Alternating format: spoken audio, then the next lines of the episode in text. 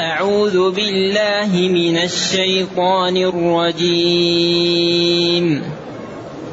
يا أيها الذين آمنوا عليكم أنفسكم لا يضركم من ضل إذا اهتديتم إلى الله مرجعكم جميعا فينبئك فينبئكم بما كنتم تعملون. الحمد لله. الحمد لله الذي أنزل إلينا أشمل الكتاب وأرسل إلينا أفضل الرسل وجعلنا خير أمة أخرجت للناس. فله الحمد وله الشكر على هذه النعم العظيمة والآلاء الجسيمة. والصلاة والسلام على خير خلق الله وعلى آله وأصحابه ومن اهتدى بهداه. أما بعد فإن الله جل وعلا ينادي المؤمنين في هذه الآية. ثم يأمرهم بأن الإنسان عليه نفسه لا يضره من ضل إذا اهتدى. يا أيها الذين آمنوا. سبق أن ذكر في هذه الدروس المباركة أن نداء الله للمؤمنين ينبغي أن يسمع. لأنه خير يقال للإنسان ويوجه به أو شر يحذر منه. يا أيها الذين آمنوا هذا من الله شيء عظيم للعبد. أن ينادى بهذه الصفة الجميلة. عليكم.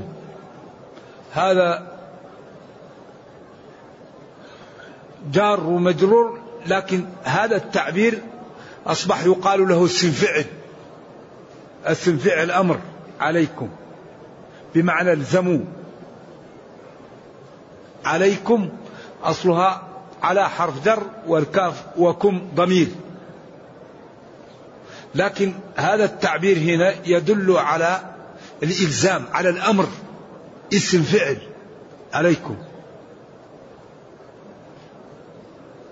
دونك وعليك. هذه أسماء جعلت في هذا السياق اسم فعل. عليكم أنفسكم. يعني إلزموا أنفسكم بشرع الله.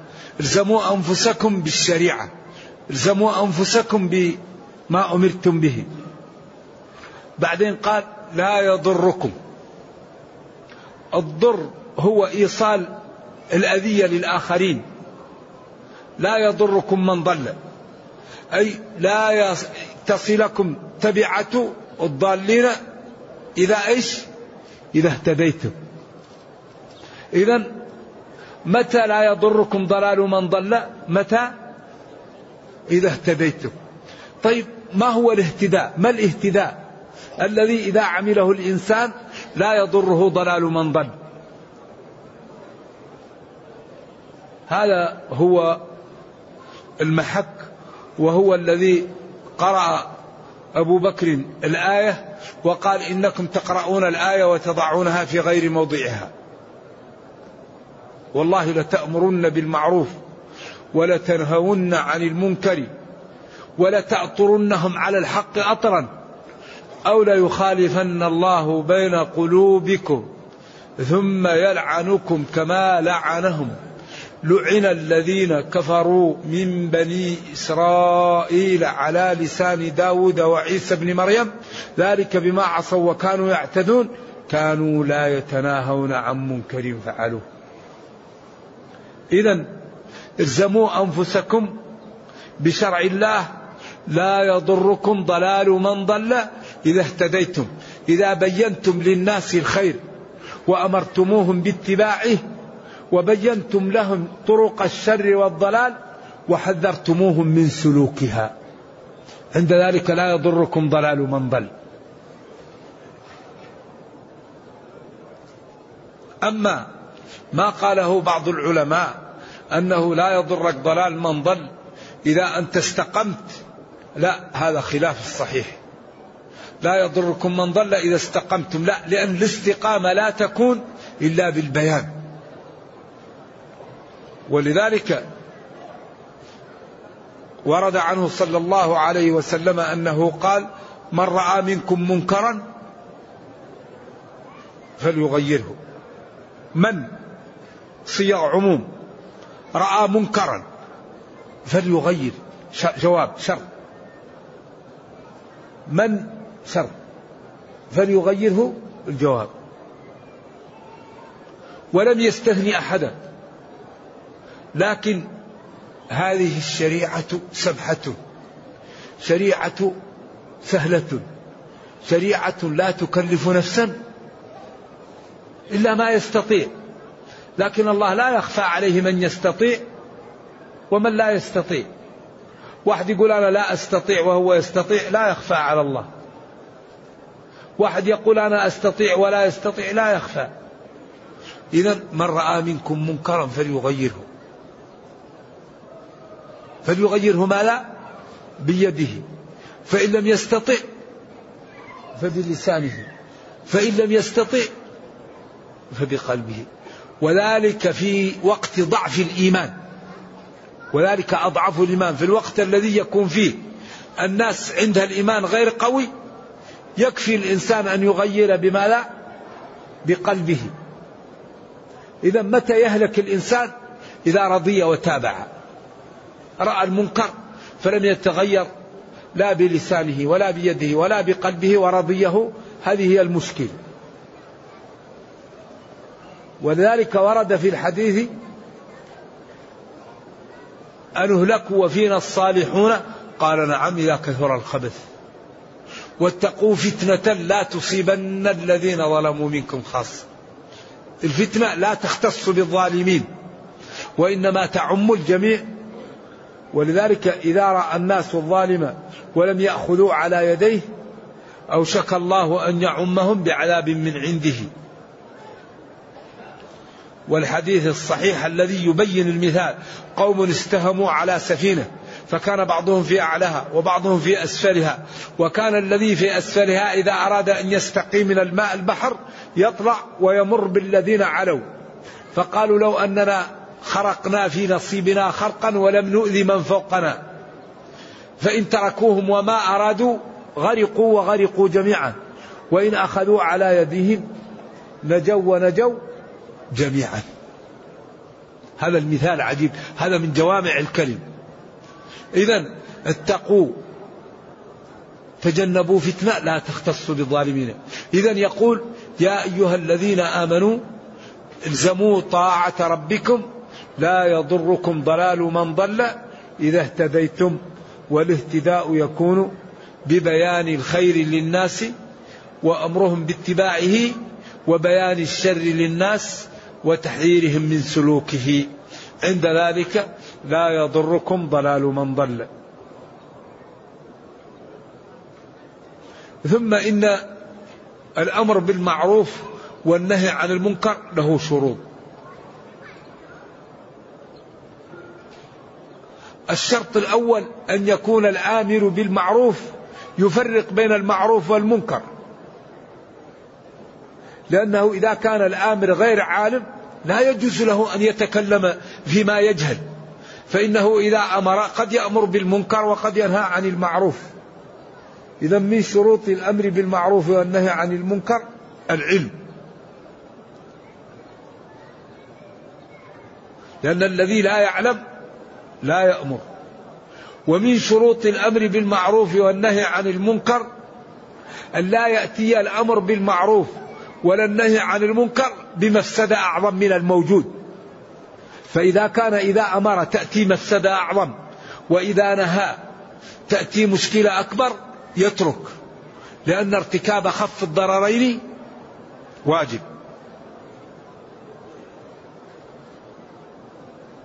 الأمر الثالث وهو ليس بلازم لكن مستحسن ينبغي أن يكون الآمر متمثلا. للأمر. ولذلك لما جاء الرجل لابن عباس وقال له أريد أن نأمر بالمعروف ونهى عن المنكر قال إن لم تفضحك ثلاثة حروف.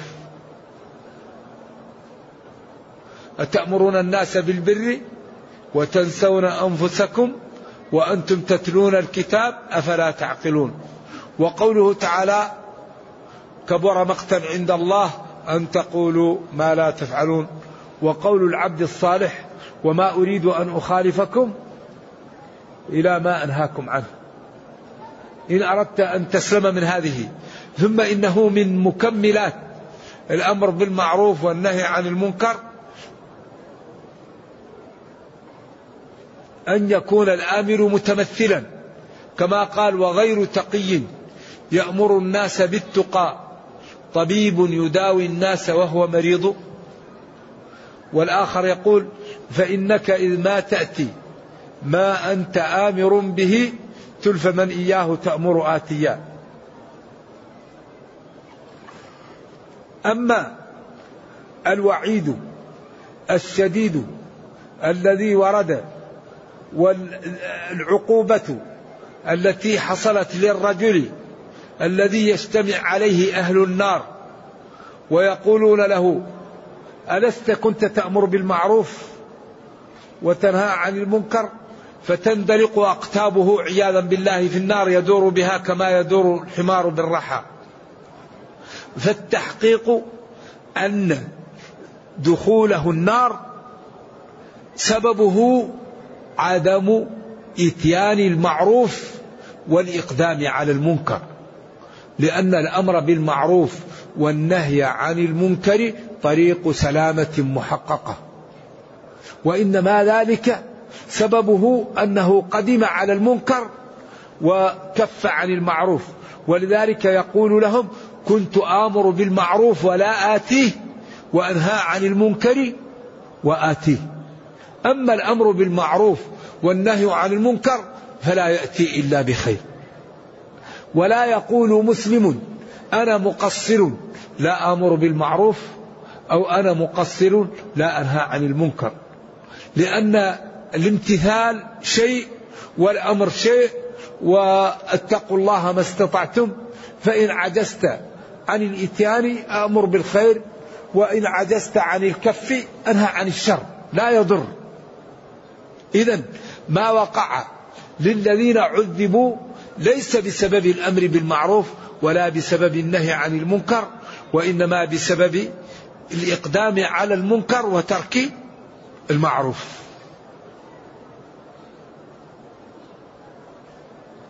ولذلك لا يهتدي أحدنا إلا إذا بين للناس.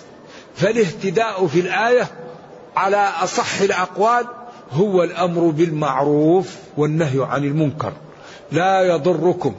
من ضل إذا اهتديتم. الاهتداء هنا أن تبين للناس طريق الخير وتأمرهم بسلوكها وتبين لهم طريق الشر وتحذرهم من سلوكها. عند ذلك لا يضرك ضلال من ضل. ثم إنه لا بد أن يكون الآمر بالمعروف الناهي عن المنكر يستعمل الطرق الناجعة. يستعمل طرق الحكمة. يستعمل الطرق المقنعة. اولا المنحرف مريض. الإنسان المنحرف مريض. نرجو الله تعالى أن يعافينا. أهل المعاصي وأهل الفسوق مرضى. والمريض يحتاج أن يرفق به ليعالج. المريض إذا أردنا أن نعالجه إما أن نعطيه العلاج في العسل وإما أن نجعل له البنج نعطيه التخدير نبنجه حتى نزيل المرض. والكلام الطيب والرفق هو مثل البنج مثل التخدير مثل العسل. أي إنسان الآن نريد أن نعطيه علاج نجعل له العلاج في ماذا؟ إما نجعله في حلاء أو نلبسه بمادة. حتى لا يجد أذية العلاج وأغلب العلاجات سموم ويكون شديد المرارة. فيوضع له العلاج في العسل أو يوضع له العلاج مغلف أو إذا كان يحتاج عملية يأتي طبيب التخدير ويحقن له التخدير حتى ينام ثم بعد ذلك يأتي الطبيب ويزيل المرض ويخيطه فإذا استيقظ فإذا هو انتهى إيش؟ انتهت العملية. كذلك المريض يحتاج منا المنحرف إلى كلام طيب أسلوب جيد إحسان رفق حتى نعطيه العلاج والمعلومة التي تزيل ما فيه من المرض. أما واحد تجده منحرف تقول له يا ضاد يا خبيث هل يقبل منك؟ ولذلك ربنا قال لموسى فقولا له قولا لينا. قولا له قولا لينا. ما قال له قولا له قولا شديدا لأنه فرعون. لا قولا له قولا لينا. لذلك إبراهيم لما قال لأبيه الكلام الطيب وأبوه كان عنيفا ماذا أجابه؟ أراغب أنت عن آلهتي يا إبراهيم لئن لم تنتهي لأرجمنك واهجرني مليا. ماذا قال له؟ قال سلام عليك سلام عليك سأستغفر لك. ما قال له يا أبت يا كافر يا مجرم أنا أريد أن ننقذك من جهنم. قال له سلام عليك. لذلك من أهم ما يعمله الدعاة والفضلاء أن يرفقوا بأصحاب الانحراف حتى ينقذهم الرفق بالكلمة الطيبة بالإحسان بلين الجانب حتى يعطيك أذنه فتنزع الشر وتضع الخير. لأنك إذا لم يكن بينك وبينه نوع من اللطافة من أين تكون الجسور؟ الوحي انقطع. والناس ضلال إذا لم يكن. الذين أكرمهم الله بصفاء العقيدة وحسن المعتقد وفهم شرع الله وكونهم على بصيرة من دينهم إذا لم يكن لهؤلاء بصيرة في التعامل مع المنحرفين من أين تأتي الهداية للمنحرفين؟ الوحي انقطع. ونبينا صلى الله عليه وسلم يقول لا نبي بعدي. فإذا لم يتكايس هؤلاء ويأتوا بالرفق ويحاولوا أن يحسنوا إلى هؤلاء حتى يعطوهم آذانهم فينزع الشر ويضع الخير. والإنسان إذا لم يستمع من أين تأتيه الهداية؟ إذا لم يكن بينك وبين أنت الله أعطاك هداية وهذا عنده انحراف. إذا لم يستمع لما عندك من أين تأتيه الهداية؟ لذلك قال جل وعلا فبشر عبادي الذين يستمعون القول. عبادي. الذين وفقتهم. الذين سددتهم يستمعون القول. فيتبعون أحسن. أول شيء يستمع. لأنه إذا كان لا يستمع إذا سمع محاضرة لا يستمع وإذا سمع درس لا يستمع وإذا سمع خطبة لا يستمع. طيب من أين تأتي الهداية؟ بعدين أنت الله أعطاك العقل. فيتبعون أحسنه. أولئك الذين هداهم الله وأولئك هم أولو الألباب. يفهم من دليل الخطاب أن الذي لا يستمع ولا ولا يتبع الحق هذا لم يهده الله ولا عقل له. أولئك الذين هذه صفتهم هداهم الله وأولئك هم أولو الألباب أصحاب العقول. الذين يستمعون ويتبعون أحسن ما يستمعون. إذا نحن في حاجة ماسة إلى عرض الدين في أحسن طريق وبأحسن ثوب ونبين للناس أننا نحب لها الخير وأننا ندعوها لإنقاذها وأن ربنا جعل لنا ميزانا واضحا لا لبس فيه. وهذه الشريعة نزلت بلسان عربي مبين وأن دعاء غير الله والتعلق بغير الله وقول غير الله يعلم الغيب والاحتياج إلى غير الله هذا فيه نصوص متوافرة تمنعه. فالغيب لا يعلمه إلا الله. والله لا يرضى لا يرضى أن يدعى غيره ولا يجيب المضطر إلا الله. الخلق عاجزون. ولذلك ربنا يقول وقال ربكم ادعوني أستجب لكم. ما قال وقال ربكم اتخذون الوسائط من الصالحين ومن الأولياء. وقال نبينا صلى الله عليه وسلم إذا سألت فاسأل الله. ما قال إذا سألت. فاتخذ لي الوسائط من الأنبياء والصالحين. وقال أمن يجيب المضطر؟ إذا دعاه. والغريب أنه بعد إجابة المضطر قال قليلا ما تذكرون. هذه قليلا ما تذكرون معجزة. هذا تعبير عجيب. لأن الله قال قل الحمد لله وسلام على عباده الذين اصطفى.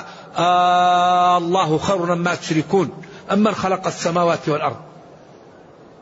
لذلك إذا سألت أي شخص من خلق السماوات يقول لك الله من خلق الجبل الله من خلق البحر الله. طيب من يجيب المضطر؟ كل بلد فيه أولياء يدعون مع الأسف. كثير من بلاد المسلمين يدعو الأولياء ويطلبون منهم الحوائج. والله بعد أن أدخل هذا في, في الأسلوب قال أمن يجيب المضطر إذا دعاه ويكشف السوء ويجعلكم خلفاء الأرض. هذه الثلاثة الخلق يطلبها من الأولياء والأنبياء والصالحين. إجابة المضطر وإيش؟ وجعلنا خلفاء وكشف الضرر. لذلك تجد الواحد يذهب ويقول له أنا أريد أن الله يعافيني. أنا أريد أن ننال وظيفة. أنا أريد أن ننال كذا. أنا أريد المرض أن يزول عني. ولذلك قال قليلا ما تذكرون حيث تفرقون بين إجابة المضطر وبين خلق الجبال والكل حق خالص لله لا يشاركه فيه غيره. عجيب. هذه قليلا ما تذكرون معجزة. أمن يجيب المضطر ثم قال قليلا ما تذكرون. إذا قلت واحدا من خلق الجبل يقول لك الله. طيب من يجيب المضطر؟ يقول لك الولي. فلذلك ينبغي لنا أن نرفق بالمخالفين وأن نبين لهم الحق بطريقة تقبل. الله ينتزع أماكن الاتفاق مع أهل الكتاب. يقول وقولوا آمنا بالذي أنزل إلينا وأنزل إليكم. وإلهنا وإلهكم واحد ونحن له مسلمون. ما قال يا يهود تعبدون عزيرا ويا نصارى تثلثون؟ فهلموا إلى هذا الدين فادخلوا فيه قبل أن تدخلوا جهنم عليكم لعائن الله. قال قولوا آمنا. ينتزع أماكن الاتفاق. قولوا آمنا. ويتنزل للمنحرفين. يقول قل لا تسألون عما أجرمناه. عمل الصحابة سماه إجرام من باب التنزل ولا نسأل عما تعملون. وكفرهم سماه عمل. قل لا تسألون عما أجرمناه على زعمكم. ولا نسأل عما تعملون كفركم الذي تسموه عمل على زعمكم. إذا ينبغي للداعية أن يرفق بالمخالفين ويأتيهم بالكلام واضحا لا لبس فيه ويبين لهم أنه يريد إنقاذهم وأنه ليس له نفع إلا الإنقاذ. وهذا لا يكون إلا بالرفق والإكرام والكياسة لأن الإنسان إذا لم يتكايس مع المخالف لا يقبل منه. ذلك ما كان الرفق في شيء إلا زانه. الرفق الرفق. إذا ينبغي للدعاة أن يهتموا بإيصال المعلومة يعني سليمة من العنف وسليمة من الغلظة وأن تكون يعني مكتمل الشروط فبإذن الله تعالى تقبل. ثم إن الدعوة لها طريقان طريق الحجة والبيان. وهذه تكون باللطف وبالحجج الواضحة التي لا لبس فيها فإن لم ينفع ذلك فلا بد للعالم أن يبقى تحت إدارة المسلمين. لا بد أن تبقى الإدارة في العالم بيد المسلمين. من شاء فليؤمن ومن شاء فليكفر. لكن لا بد أن تبقى الإدارات بيد المسلمين. والدليل على ذلك قوله تعالى لا إكراه في الدين وقوله حتى يعطي الجزية عن يد وهم صاغرون. وقوله وأنزلنا الحديد فيه بأس شديد وفي صحيح مسلم إنك تأتي عدوك من المشركين فادعوهم إلى ثلاث خصال أن يدخلوا في الإسلام. فإن دخلوا فأخبرهم أنهم يتحولون أنهم يتحولوا إلى المدينة. فإن لم يفعلوا فلهم مال أعراب المسلمين وليس لهم شيء في الغنيمة. فإن لم يقبلوا فيدفعوا الجزية. فإن لم يقبلوا فيقاتلون. إذا قال لقد أرسلنا رسلنا بالبينات وأنزلنا معهم الكتاب والميزان ليقوم الناس بالقسط. بعدين قال وأنزلنا الحديد فيه بأس شديد. إن لم يردع بالكتب يردع إيش؟ بالكتائب. لا بد أن تبقى الإدارات في العالم بيد المسلمين. فمن شاء فليؤمن ومن شاء فليكفر شريطة الإذعان. ولذلك يضرب الله تعالى للكلام الطيب يقول وضرب الله مثلا كلمة طيبة كشجرة طيبة أصلها ثابت وفرعها في السماء تؤتي أكلها كل حين بإذن ربها ويضرب الله الأمثال للناس. ثم قال ومثل كلمة خبيثة كشجرة خبيثة اجتثت من فوق الأرض ما لها من قرار. فالدعاة والعلماء والمهتمون بهذا الدين ينبغي أن يوضحوا حسن هذا الدين وجماله وأن ينزلوا بالساحة بعلم ووضوح حتى لا يبقى لمن يريد أن يصطاد في الماء العكر طريق لذلك كثير من المسلمين هو منحرف وهو لا يدري أنه منحرف. يرى أن غير الله يعلم الغيب. ومعرفة الغيب من خصائص الربوبية. يرى أن غير الله يجيب الدعوة وإجابة الدعوة من خصائص الربوبية. يرى أن غير الله قد يأتيه بالأولاد والذي يأتي بالأولاد الله. يرى أن غير الله يدفع عنه الضرر والذي يدفع الضرر هو الله. يرى أن غير الله قد يغنيه والذي يغنيه هو الله. إذا مشكلة المسلمين أنهم في كثير من البلدان عندهم انحراف متأصل ومتجذر. القبور يزار لغرضين القبور تزار لغرضين. الغرض الأول الاتعاظ وأن هذا الشخص الذي تعرفه يمشي على الأرض مات وأنت ستموت. إذا تذكرك الآخرة القبور وأن الإنسان سيموت والموت أشد حادث مما يمر على الجبلة. الأمر الثاني أن تدعو لهؤلاء الذين كفت أيديهم عن العمل وشاهدوا الحقيقة. لذلك نبينا قال كنت نهيتكم عن زيارة القبور فزورها فإنها تذكر الآخرة. ولما جاءهم قال السلام عليكم أهل الديار من المؤمنين وإنا إن شاء الله بكم لاحقون يغفر الله لنا ولكم. اللهم اغفر لأهل بقيع الغرق. إذا القبور تزار للاتعاظ وللدعاء لأهلها لا تزار لأجل أن, أن, أن تطلب منها الحوائج. هذا هذا ضلال هذا خطأ هذا بالإجماع لا يجوز. دعاء غير الله لا يجوز. إذا سألت فاسأل الله وقال ربكم ادعوني أستجب لكم. أمن يجيب المضطر إذا دعاه. نبينا لما قالت أم هنيئا لك. قال والله لا أدري وأنا رسول الله ما يفعل بي ولا بي قالت لا أزكي أحدا بعدك.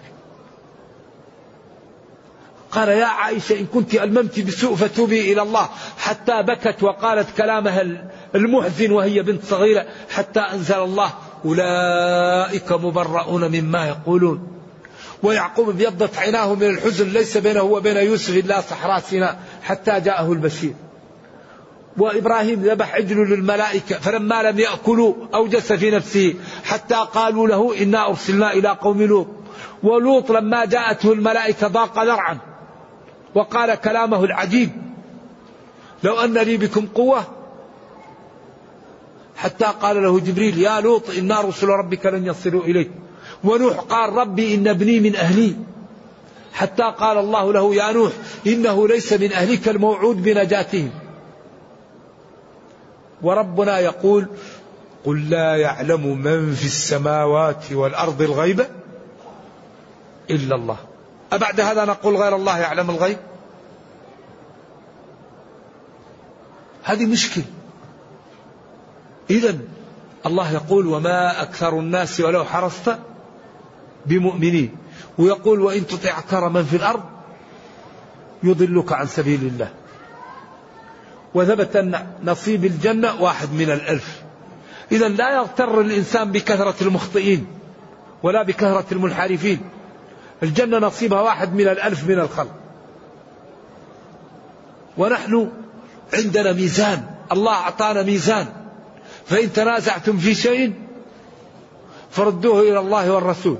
تركت فيكم ما إن تمسكتم به لن تضلوا بعدي. كتاب الله وسنتي. ما هو قول فلان؟ ما هو قول العالم؟ لا. الدين ما جاء من الله. الدين ما جاء به النبي صلى الله عليه وسلم. اتبعوا ما أنزل إليكم.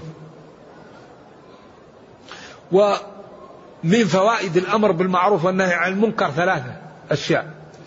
الأمر الأول أنك يا مسلم لا يلببك المنحرف يوم القيامة. ويجعلك في ورطة. لأن المسلم إذا رأى أخاه المسلم يعمل المعاصي ولم ينهه ولم يبين له يلببه يوم القيامة ويقول يا ربي إن فلانا رآني ولم ينهني. إذا أول شيء من فوائد الأمر بالمعروف المعذرة إلى الله لكي لا تعذب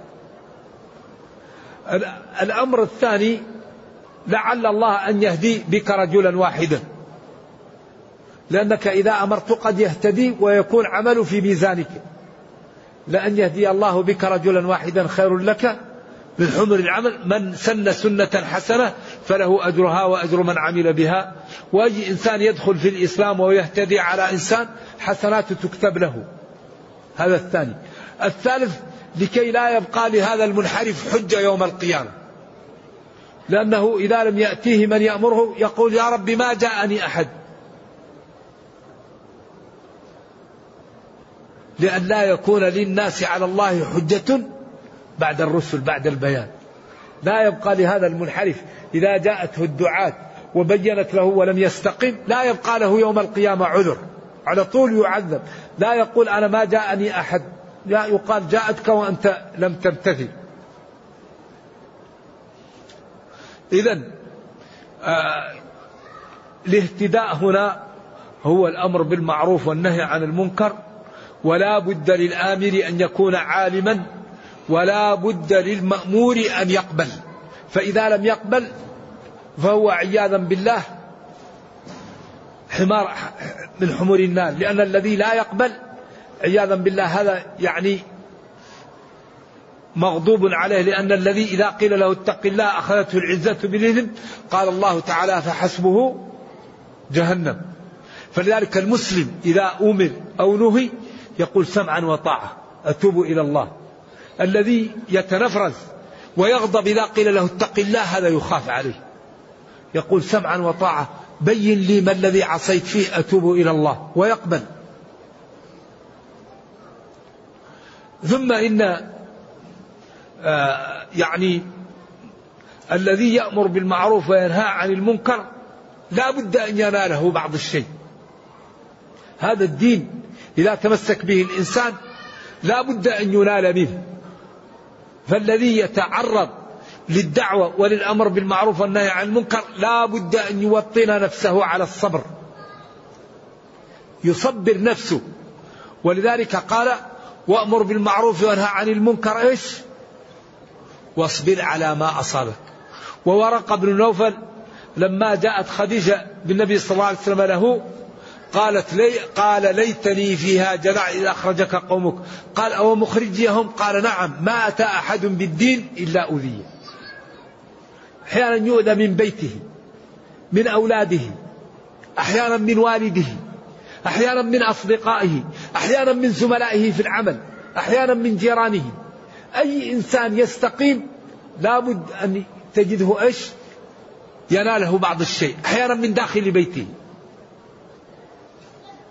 فلذلك يصبر المسلم ويعلم أن الذي يصبر على الدين هذا أجر عظيم. والحقيقة أن طريق الدنيا وطريق الدين بينهم نوع من التعارض. فالدين يحتاج إلى مكابدة وطاعة واجتهاد. والدنيا تحتاج إلى تساهل. يريد الدنيا لا بد يتساهل. سهل في البيع في الشراء. الغرر النجش الربا. يبقى فلوس. واللي يريد الآخرة لا بد يحذر. يحذر على السمع على البصر على اللسان على البطن على اليد على الفرج على البيوع على كل شيء. يخاف. والذي يخاف يسلم. والذي لا يهم مشكلة. ولذلك الدين يبقى له مكابدة. الدين مشكل. الدين هو اللي يوصلك للجنة. الاستقامة هي اللي تمنعك من النار. أما الذي ينام كما يحلو له يتكلم كما يحلو له يمشي كما يحلو له ينظر كما يحلو له. ولذلك في حديث الصحيحين عن أبي هريرة حجبت الجنة بالمكاره وحجبت النار بالشهوات. النار كلها شهوات نظر أكل شرب كلام متعة. الجنة غض بصر كف لسان بذل مال بذل وقت. سهر صوم إعطاء التغاضي عن زلات الإخوان أن تبر بوالديك بجيرانك أن تدفع من وقتك من مالك كله صعاب. ذلك الله قال فأما من طغى وآثر الحياة الدنيا فإن الجحيم هي المأوى. وأما من خاف مقام ربه ونهى النفس عن الهوى فإن الجنة هي المأوى. قال تعالى لما سأل أهل النار أهل الجنة سأل أهل الجنة أهل النار ما سلككم في سقر؟ ما سلككم في سقر؟ قالوا لم نكن من المصلين ولم نكن نطعم المسكين وكنا نخوض مع الخائضين وكنا نكذب بيوم الدين. هذه أربعة أصول دخول جهنم. ينظر يمشي يتكلم يعمل. نخوض. تكلموا في أي شيء نتكلم. نظروا ننظر أكلوا نأكل مشوا نمشي. خلاص. أما أهل الجنة قد أفلح المؤمنون. شوف هنا المؤمنون هنا قال نكذب بيوم الدين. الذين هم في صلاتهم خاشعون هناك قال لم نكن من المصلين. الذين هم للزكاة فاعلون قال لم نكن نطعم المسكين. إذا أربعة أصول دخول الجنة وأربعة أصول دخول جهنم وقال جل وعلا كتاب أنزلناه إليك مبارك ليدبروا آياته كتاب مبارك فيه النور وفيه الرفعة وفيه العزة وفيه المتعة وفيه صلاح الدنيا والأخرى لكن لمن تدبره وعمل به وفهمه. أما الذي لا ما له شغل طبعا الذي لا ينتبه يورط. ولذلك اليوم وبكرة وبكرة واليوم ينتهي العمر خلاص يوضع في القبر. والعبادات لا تقبل إلا إذا كانت على المواصفات المطلوبة. العبادة لا تقبل إلا إذا كانت على المواصفات المشروعة. إذا لا بد أن نعطي وقتا لهذا الدين. لا بد أن نعطي وقتا لديننا نعرف ما الواجب ما الحرام ما المكروه ما المباح. لا بد أن نعرف ونمتثل عند ذلك ننجو ويحمينا الله ويظلنا الله ويوم يخاف الناس لا نخاف ويوم يحزن الناس لا نحزن ويوم يعني كل تأتيك يوم القيامة وأنت آمن لا يحزنهم الفزع الأكبر وتتلقاهم الملائكة هذا يومكم الذي كنتم توعدون فيجب علينا الحقيقة أن نتمثل هذا الدين وأن نفهمه وأن نعطيه الوقت. لأننا لا عذر لنا بعد هذا الكتاب الذي امتن الله علينا فيه وخاطب نبيه وقال ونزلنا عليك الكتاب تبيانا لكل شيء. إذا لا يضرنا ضلال من ضل إذا اهتدينا بأن أمرنا بالمعروف ونهينا عن المنكر. إلى الله مرجعكم. أي رجوعكم جميعا. الخلق فينبئكم بما كنتم تعملون أي بعملكم أو بالذي كنتم تعملونه. وهذا الرجوع يخوف الله به خلقه كثيرا. هذا يوم القيامة يخوف به. اتقوا يوما لا تجزي نفس عن نفس شيئا ولا يقبل منها عدل ولا تنفعها شفاعة. اتقوا يوما يفر المرء فيه من أخيه وأمه وأبيه وصاحبته وبنيه. اتقوا يوما يود يعني المنحرف لو يفتدي فيه من عذاب يومئذ بكل الدنيا. اتقوا يوما يجعل الولدان شيما اتقوا يوما مقداره خمسين ألف سنة. إذا هذا الكتاب يحذر من يوم القيامة ويقول للعاقل ينبغي أن يعد العدة لهذا اليوم. ولا يمكن الإنسان أن ينجو إلا بالاستقامة. تجميع الحسنات والبعد عن السيئات لأن يوم القيامة ما فيه إلا حسنات أو سيئات. فالإنسان يرشد ويكثر من الحسنات ويبعد عن السيئات ويعلم ما الواجب لا يتخلف عنه وما الحرام لا يقربه ويسدد ويقارب. وربه كريم ولا يضيع أجر من أحسن عملا. ولا تخفى عليه خافية فمن اجتهد وأطاع ربه الله يصلح له دنياه وأخراه ويحميه ويرزقه السعادة ويبارك له في ماله وولده وعمره ويرد عنه كيد الأعداء لأن ربنا يقول ولينصرن الله من ينصره ويقول إن الله لا يخلف الميعاد نرجو الله جل وعلا أن يرينا الحق حقا ويرزقنا اتباعه وأن يرينا الباطل باطلا ويرزقنا اجتنابه وأن لا يجعل الأمر ملتبسا علينا فنضل. اللهم أصلح لنا ديننا الذي هو عصمة أمرنا وأصلح لنا دنيانا التي فيها معاشنا وأصلح لنا آخرتنا التي إليها معادنا. واجعل الحياة زيادة لنا في كل خير والموت راحة لنا من كل شر. اللهم اغفر لنا ذنوبنا كلها دقها وجلها أولها وآخرها علانيتها وسرها. اللهم إنا نسألك السلامة من كل إثم والغنيمة من كل بر والفوز بالجنة والنجاة من النار. اللهم إنا نسألك أن تحفظ هذه البلاد وأن تحفظ بلاد المسلمين عامة وأن تحفظ حكامها وسكانها وأن تحفظ بلاد المسلمين عامة وأن ترد عنهم كيد أعدائهم. إنك خير مسؤول والقادر على ذلك. وصلى الله وسلم وبارك على نبينا محمد وعلى آله وصحبه. والسلام عليكم ورحمة الله وبركاته. نسمع بعض الإخوان ينادي داخل هذا المسجد يقول يا رسول الله يا رسول الله فما حكم ذلك؟ وهل الزيارة للمسجد أم لقبر رسول الله صلى الله عليه وسلم؟ على كل حال نبينا صلى الله عليه وسلم هو الذي قال إذا سألت فاسأل الله. يا غلام احفظ الله تجده تجاهك. إذا سألت فاسأل الله وإذا استعنت فاستعن بالله. والله يقول وقال ربكم ادعوني أستجب لكم. ونبينا صلى الله عليه وسلم كان يقول اللهم أنجز لي ما وعدتني. يا رب يا رب يسأل. حتى قال له أبو بكر يكفيك مناشدتك ربي. فأما شد الرحل فللمسجد بلا نزاع. لا خلاف. في شد الرحل لزيارة مسجد النبي صلى الله عليه وسلم. فإذا جاء المسلم للمسجد يزور قبر النبي صلى الله عليه وسلم لأنه قال كنت نهيتكم عن زيارة القبور فزوروها ويدخل فيها دخول أول قبر النبي صلى الله عليه وسلم. ولا أعرف حديثا ثابتا يختص بزيارته ومن يعرف فليأتني به. لا أعرف حديثا صحيحا في زيارته وكل ما ورد في ذلك لا يصح. نعم حسب علمي. يقول ما معنى في تمام الصلاة؟ السلام عليكم ورحمة الله على اليمين السلام عليكم ورحمة الله على اليسار. لأني أرى الناس لا يسلمون لا على اليمين ولا على اليسار. وهل صلاتهم صحيحة؟ مفتاحها التكبير وتحليلها تسليم. هذه الصلاة عماد الدين. ومن حافظ عليها بالله يدخل الجنة. ومن لم يحافظ عليها في خطر. العهد الذي بيننا وبينهم الصلاة فمن تركها فقد كفر. من ترك الصلاة فهو مع فرعون وهامان وقارون.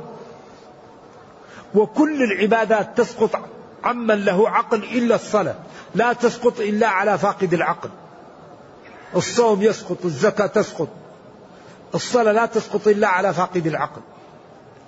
ولذلك الذي لا يسلم ترك ركن من أركان الصلاة. هذه مشكلة. يقول هل يمكن الاعتبار لأناس آخرين أكثر من مرة في اليوم أو فقط عمرة واحدة لكل يوم يا إخواني التردد بالعمرة من التنعيم هذا ليس من عمل السلف ليس من عمل السلف تردد الاعتمار من من من إيش؟ من التنعيم. ذكر عن عائشة أن النبي صلى الله عليه وسلم أرسلها مع أخيها والصحابة كانوا آلاف ما اعتمر إلا عائشة. أو بعضهم كان يعتمر بعد الصدر ويحلق رأسه قبل أن ينبت، لكن يكون كل يوم إنسان يعتمر هذا لا يعهد. ولذلك قالوا من كان في مكة يطوف بالبيت ويسأل الله لأن الذي في مكة الطواف يكفي أما كل يوم يخرج ويعتمر هذا لا يعهد هذا ما يعرف بعدين هل يمكن الاغتسال ولبس الإحرام قبل الميقات؟ يعني يمكن أن تلبس الإحرام وتلبس الميقات ويجوز أن تنوي النية من منزلك إذا كان دون الميقات. أما إذا كان المنزل وأنت ذاهب وراء الميقات وتمر بالميقات لا تتعدى الميقات إلا لابس الإحرام. أما إذا لبست الإحرام قبل الميقات فجائز لكن الأفضل أن يكون من الميقات. إذا يجوز أن تلبس اللباس وتغتسل في مكان سكنك وتحرم من ذي الحليفة. ويجوز أن تغتسل وتلبس من ذي الحليفة. الأمر سهل. ويجوز أن تنوي النية من مسكنك. والأفضل أن تحرم من الميقات. إذا الإحرام من المنزل الذي يبعد عن الميقات جائز. والإحرام من الميقات أفضل. ولبس الميقات الإحرام والاغتسال في البيت جائز. لا يضر. نعم. يقول هل يجوز أن يكتب في الخطاب ولكم خالص تحياتي؟ نعم ولكم خالص سلامي أسلم عليه أحييه نعم. ما أعرف فيها شيء. وجدت في أحد البلاد الأذان عن طريق المذياع ولا يسمح لأحد بالأذان. ينبغي أن يؤذن الأذان عن طريق المذياع يجوز لأن المقصود به الإعلان. لكن لو يؤذن شخص أفضل لأنه أفضل والقيام بالأذان أفضل وفي خير.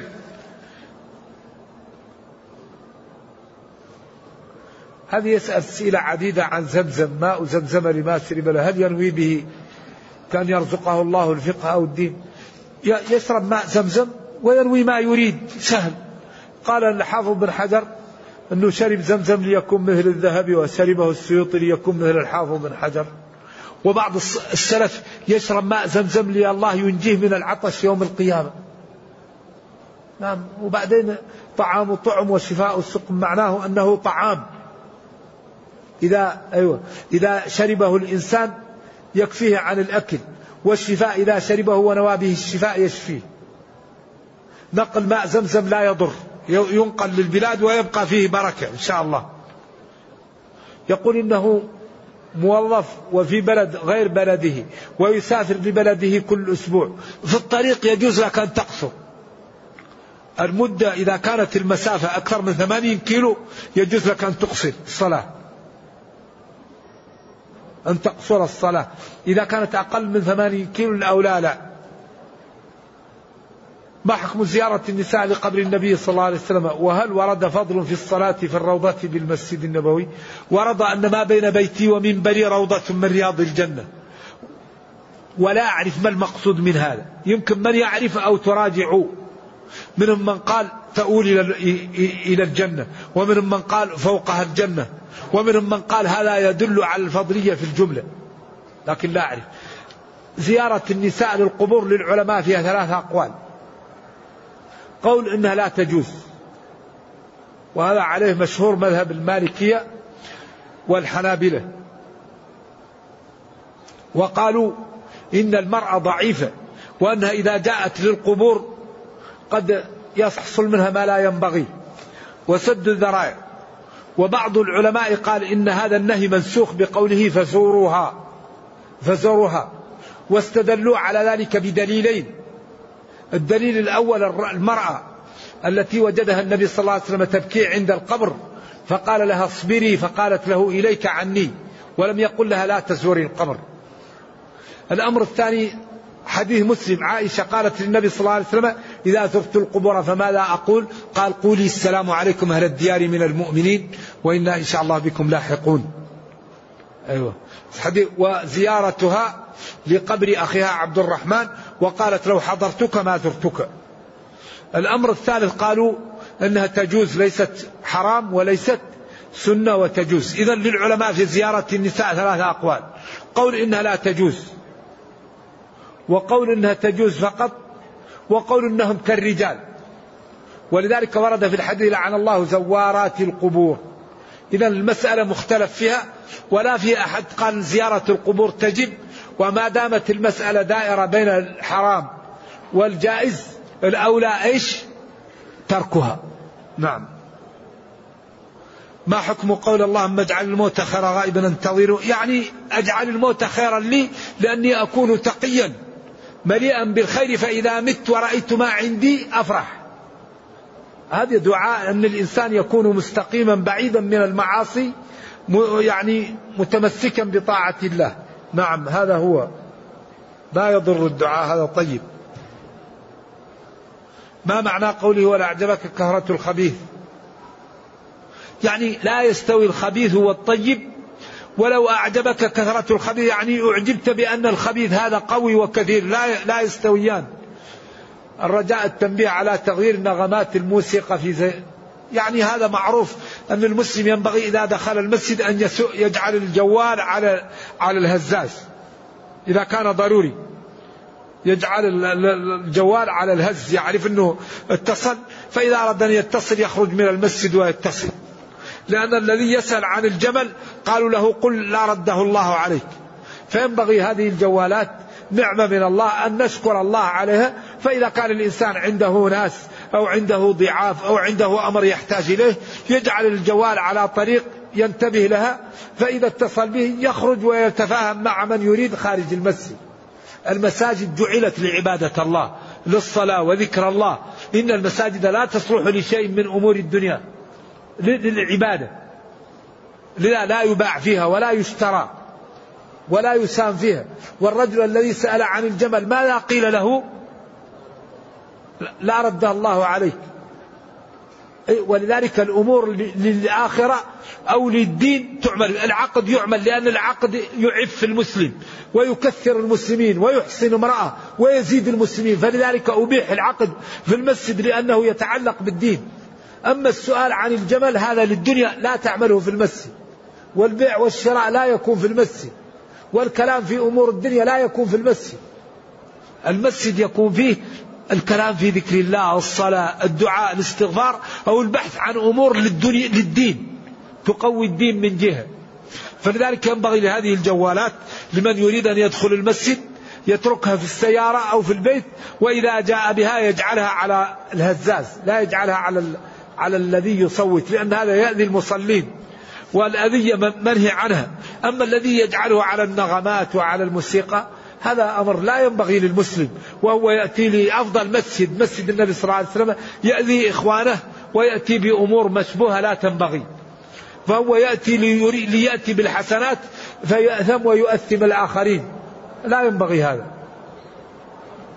يقول هذا أخونا من الجزائر يقول الشيخ الأمير رحمة الله عليه ينكر وصول الناس إلى القمر.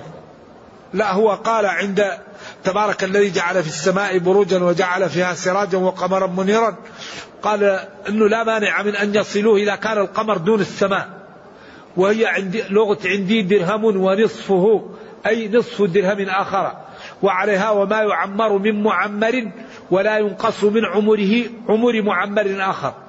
ولذلك تبارك الذي جعل في السماء بروجا المبنية وجعل فيها سراجا وقمرا منيرا مطلق ما علاك ثم قال في النهاية فإن وصلوا إلى القمر ففهمنا في الكتاب خطأ لأن القرآن لا يأتيه الباطل من بين يديه ولا من خلفه.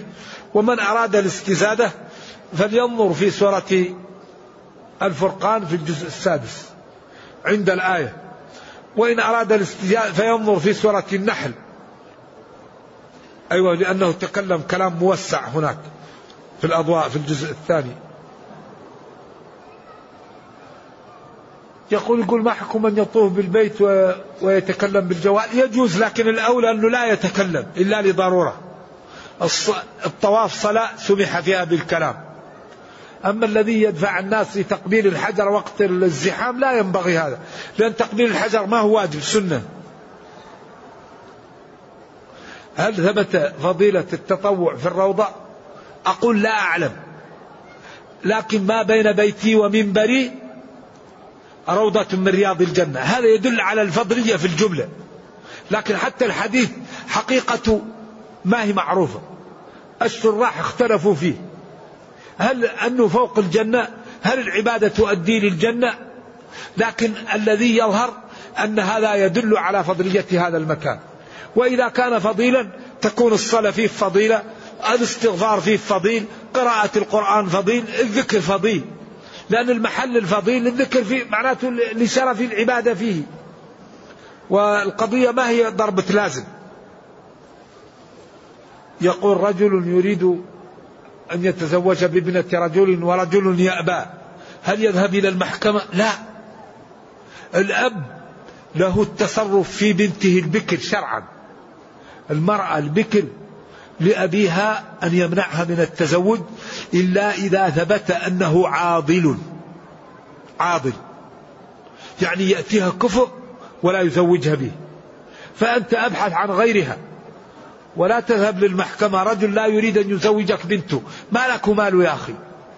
أذهب أبحث عن غيرها. الأب أبصر ببنته. الأب هو اللي يزوج بنته.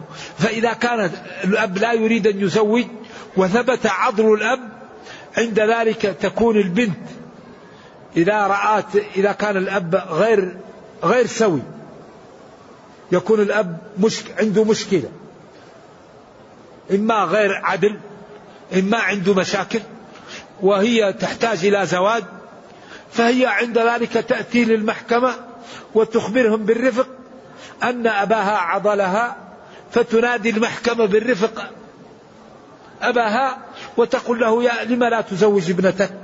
فإن قال قولا حجة سليمة تركها وإن قال قولا غير جيد يأمره بالزواج فإن لم يزوج ينتقل يعني الولاية لابنه أو لأخيه أو لأقربائه.